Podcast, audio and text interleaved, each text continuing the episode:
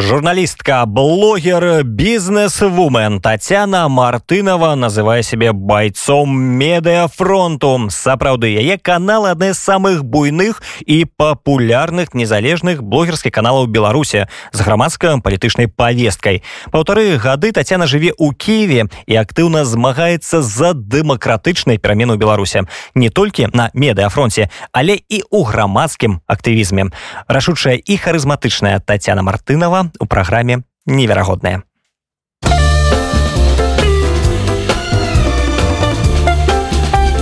Невероятные. Начнем с того, что первые СМИ, куда я пришла, это было радио. С 90-х годов моя жизнь была связана с радио и телевидением. В основном с радио, периодически я попадала на телевидение. Все это закончилось тем, что я вела общественно-политическое ток-шоу на УНТ. Я за радио посидела 10 дней в СИЗО, не сидел не белорус. Это были еще 2000-е, но это такая отдельная история. Когда-нибудь это можно будет рассказывать, и это будет кому-то интересно. Пока, в общем-то, у нас другие задачи. Так вот, и где-то, сейчас скажу, это был 2010 2010 год. Я уже была достаточно взрослой девочкой, и мне уже, честно говоря, сильно надоело зависеть э, от работодателей. И, соответственно, я сделала сначала свой бизнес, я э, купила бар, ну, как купила на кредиты, все как положено, потому что никаких больших денег накопления у меня не было. Через несколько лет я еще сделала небольшую такую IT-бутик, компанию маленькую, там было немного сотрудников. Мы создавали интернет-проекты, выводили их полностью, да, с полным сопровождением в интернет, то есть там были программисты и СММщики. И параллельно в 2000, сезон 2013-2014 года а вот я, собственно, поработала на ОНТ. Долго я не поработала, потому что на меня жаловались все. Министры, депутаты, МВДшники. Да, у меня Карпенков выскакивал из студии с криком «Я больше никогда сюда не приду». Ну, в общем, хорошо работали, честно скажу. Поэтому недолго. И потом, когда я уже поняла, что больше невозможно в белорусском медиапространстве делать то, что ты считаешь нужным, полезным и честным, я ушла в цифру. Я ушла в Facebook, я пошла учиться, как, собственно, работать с информацией в цифровой среде, как ей управлять. Э, я закончила несколько разных достаточно приличных курсов и в Минске, и онлайн э, в Украине. Ну, в общем-то, сделала, создала свою историю на основе чужого опыта. Не самую простую, потому что заходила я на цифровой рынок э, лонгридами, на 8 тысяч знаков. Но это как-то в моем случае сработало, людям нравилось. И а, у себя на Фейсбуке я создала достаточно, я считаю, такую очень классную, думающую, активную аудиторию. Ну и как-то вот это было все очень очень даже неплохо, бизнес, хобби, потому что блогинг для меня это был хобби. Но это также была возможность помогать хорошим людям, потому что за счет своей публичности есть, так сказать, в копилочке маленькие и большие подвиги при Лукашенко. У нас параллельно был мир, мы не пересекались, слава богу. Все началось же с ковида, когда пошел такой маразм, что на него нельзя было не реагировать. То есть власть я троллила всегда. Написать какой-нибудь мерзопакостный стишок или еще как-нибудь да, потроллить все, что происходит там наверху, это же гадалки не ходи одно удовольствие. Нас за это никто не трогал. Потом, когда пошел этот маразм с ковидом, а помните, у нас был флеш, э, флешмоб в Фейсбуке прощальное слово президента, да, мы там уже изгалялись как могли. Потом, когда в мае стало понятно, что в бой за пост президента вступают тяжеловесы, мы такие подумали, ого, так может быть что-то и будет ну давайте уже что-то делать, давайте наконец сходим на выборы, давайте, может быть, мы попробуем. я тогда сделала группу в Фейсбуке «Хватит бояться» политическое сообщество, оно очень быстро стало самым крупным сообществом Фейсбука, и туда просто люди повалили, и это было прям очень здорово. Дальше где-то вот уже с, ну так вот с весны, наверное, я стала развивать свой YouTube, а, Опять же, это все были веселые видосики, где я троллила все происходящее, потому что, ну, я не могу, я я не могла на это, на тот период, смотреть без смеха. Ну, потому что тогда это еще было смешно. Потом э, в июне мы ходили на эти цепи ОМОНа. Я еще пыталась разговаривать с ОМОНовцами, призывать их к совести.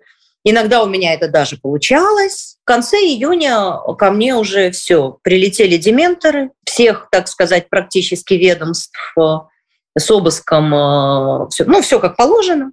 И меня честно предупредили, что времени на выезд у меня не очень много.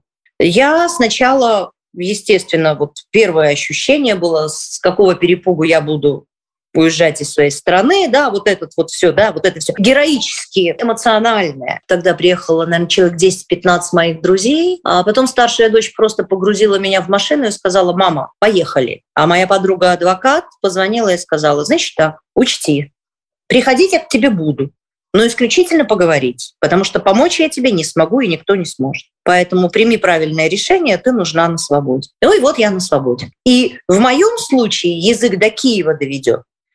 Эту фразу надо понимать буквально. Я до сих пор не вложила ни доллара в рекламу ни одного своего сообщества. Я работаю только на органике. Теперь, к сожалению, здесь пришлось выбирать. Или идти заниматься бизнесом, или продолжать то, что я начала делать на медиа, да, на, на медиаполе уже как самостоятельная единица. Потому что я же человек не системный. И пока я видела, что я могу приносить пользу здесь, ну и до сих пор я это вижу по фидбэку, по всему, я занимаюсь полностью своей медиаработой. Это и Телеграм, это и Ютуб, это и Фейсбук, это и украинские телевидения, где я постоянно я приглашаюсь в качестве эксперта по Беларуси. Собственно, движение «Пенсионеры 97» — это моих рук дело. И марши тоже мы организовывали. То есть это не потому, что я так придумала, это потому, что наши героические бабушки почему-то выбрали меня. Они организовались в Минске малой группой и попросили сделать им отдельный марш, а потом отдельный канал и отдельный чат. И все это до сих пор живет. И там работают волонтеры, помогают мне, э, которые э, наши белорусы, но они в Америке. Ну, в общем, это очень такое мудрое, спокойное, доброе сообщество. Многое мы прошли вместе, ну и продолжаем. То, что сегодня такая машина репрессий, и, ну, безусловно, людям страшно. Но это же ничего не закончено. Мы же должны понимать, что на данный момент нам просто нужно будет искать другие выходы, другие методы, других каких-то союзников, да, с учетом того, что какие-то у нас есть, каких-то нет. Это процесс, это просто марафон, который мы бежим и будем бежать. Сейчас нужно поберечься очень многим внутри страны. Но это же не значит, что мы не добежим до конца. Я очень хорошо помню свое состояние, потому что э, пока э, вы мчитесь к границе да, на скорости, собирая все штрафы на видеофиксации, в осознании еще какого-то такого нет. Потом вы пересекаете границу, сначала белорусскую, потом украинскую, вдыхаете воздух свободы, понимая, что вы в безопасности, а дальше приходит осознание, что дальше. И, конечно же, приходит вот это вот первое ощущение такой растерянности, потому что все, что вы строили всю жизнь, его раз и не стало. И вы в чужой стране, пусть даже там дружественной, с ребенком, пусть он уже и взрослый. И надо как-то зарабатывать, жить, продолжать делать то, ради чего вообще все это случилось, иначе какой был смысл. И да, у меня была своя депрессия по этому поводу. Через какое-то время накатывает, потому что безумно хочется домой. Есть ощущение, не разбирается чемодан, не покупается в квартиру ничего, даже какой-то лишний стакан, который нужен. Нет желания а, как-то не то чтобы даже развлекаться. Нет, нет желания. Вот у меня не было желания, наверное, полгода даже особо из дома выходить. Я выезжала только на эфиры, когда меня приглашали на э, телевидение. И у меня было ощущение, ну, ну вот сейчас же еще неделя и домой. И э, вот когда вот э, я здесь в Киеве оказалась, я поклялась на смартфоне перед своей аудиторией, и я сказала, что я работаю для вас, в ваших интересах, всех тех людей, которые мне доверяют, тратят свое время на то, чтобы меня смотреть, тратят свои деньги, донатя мой канал, потому что вам важно, чтобы я продолжала работать. И я всегда буду не по надсхват, но я всегда буду честным аналитик. Красные флажки мне не поставит никто. Красные флажки я расставляю себе сама, потому что я считаю это правильным, потому что я считаю, что это ведет нас к победе. Потому что каждый раз, когда я записываю какое-то видео, делаю какой-то стрим, я все время должна ответить себе на вопрос, чтобы что. Я никогда не просила там кого-то куда-то меня звать или там приглашать, или я всегда, если у меня есть какая-то идея, но я не могу ее сделать, я ее просто выкидываю в открытый эфир. Может, кто зробит у кого на это есть ресурс. И я всегда очень радуюсь, когда эти идеи подхватываются и кто-то их делает. И в этом смысле, а, мне кажется, моя аудитория меня поддерживает, понимает, и мне за это благодарна. Плюс я не нагнетаю, не пугаю, а, не потому что я там выбираю специально что-то. Я, я просто понимаю, что новости есть те, которые вредны, потому что я распространяю вражеский контент, который никто не смотрит. А есть новости, которые важно пояснить. И они дают возможность людям руки не опускать, они поднимают им настроение. Плюс я же была веселым автором. Я, я всегда любила, когда люди смеются, когда читают то, что я пишу. Я люблю шутить.